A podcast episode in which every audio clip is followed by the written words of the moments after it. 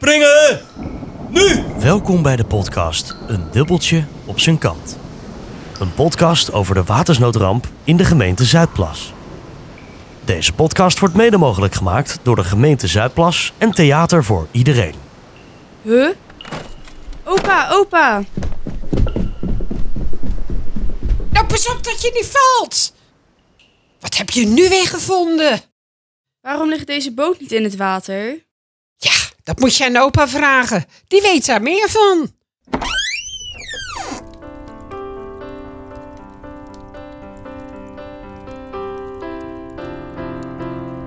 Was dit vroeger jullie boot en bent u dat op deze foto?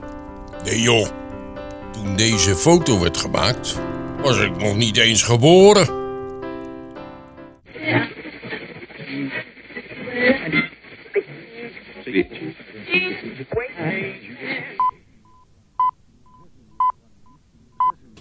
Hilversum, Nederland. De nieuwsdienst voor de Nederlandse Radio-Unie verzorgd door het Algemeen Nederlands Persbureau ANP begint de uitzendingen van vandaag met nieuws in beide programma's. In verscheidene plaatsen in het westen van het land is noodtoestand ontstaan door abnormaal hoge waterstand. Verwacht mag worden dat de storm de hele nacht zal voortduren.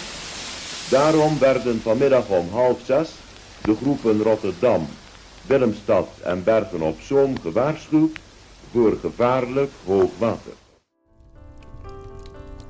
Ook Adi Evengroen heeft zijn schip in veiligheid gebracht.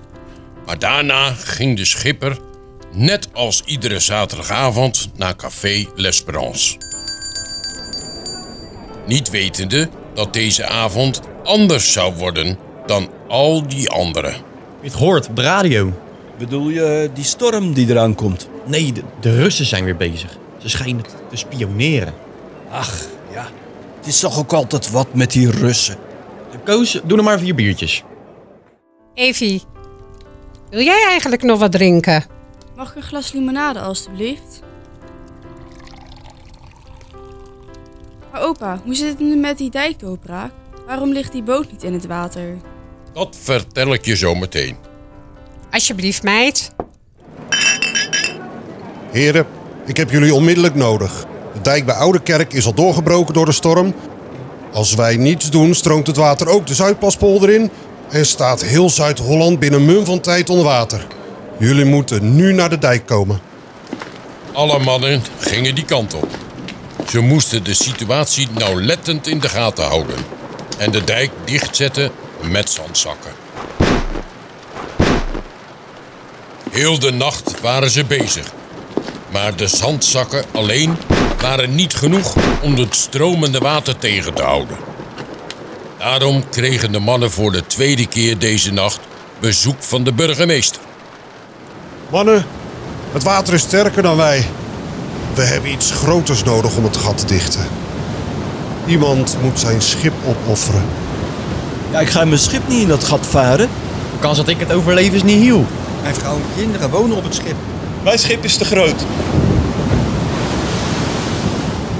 Er kon niet lang getwijfeld worden over wie het moest doen.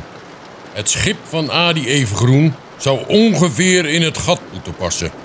Daarom werd hij aangewezen om zijn schip in de dijk te varen. Durf jij het te wagen, Evengroen? Wie neemt de verantwoordelijkheid voor het dichten van de dijk met een binnenschip? In de naam van de koningin vorder ik deze schepen. Burgemeester, ik wil het wagen. Maar alleen als ik een jong en een roeiboot meekrijg. En ik kan niet met zekerheid zeggen of het gaat lukken. Als het gat in de dijk breder blijkt dan mijn schip lang is, dan kan het niet. Want dan stroom ik met mijn schip de polder in. Schipper Evengroen kreeg twee mannen mee om hem te helpen, Evie. Cor Heuvelman en Hannes van Vliet waren dat. Met gevaar voor eigen leven gingen de drie het stormende water op. Maar opa, dat is toch hartstikke gevaarlijk? Wat gebeurde er toen? Maar hoe kunnen we het aanpakken? We kunnen het beste met de kop tegen de dijk varen. Dan maken we de boot met touw vast, zodat we voor het gat komen te liggen. Dan kunnen we eruit voordat het schip in het gat verdwijnt. Dit is ons enige kans. Hannes, pak de touw. Maak het vast aan de mast.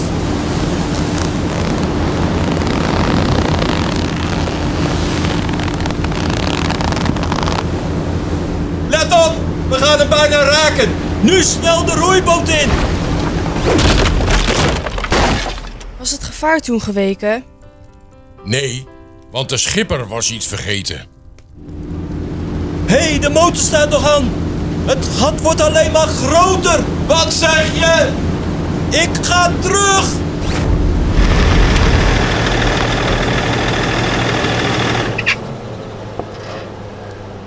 Dat is wel heel dapper. Hebben die mannen daar iets voor gekregen? Nou, na deze donkere nacht verdwenen de mannen in de anonimiteit. Jaren later kregen ze toch erkenning voor hun daden. Oh, dus door de boot op deze foto kunnen we in Zuidplas wonen. Zeker, anders had de zolder waar jij de foto vond onder water gestaan.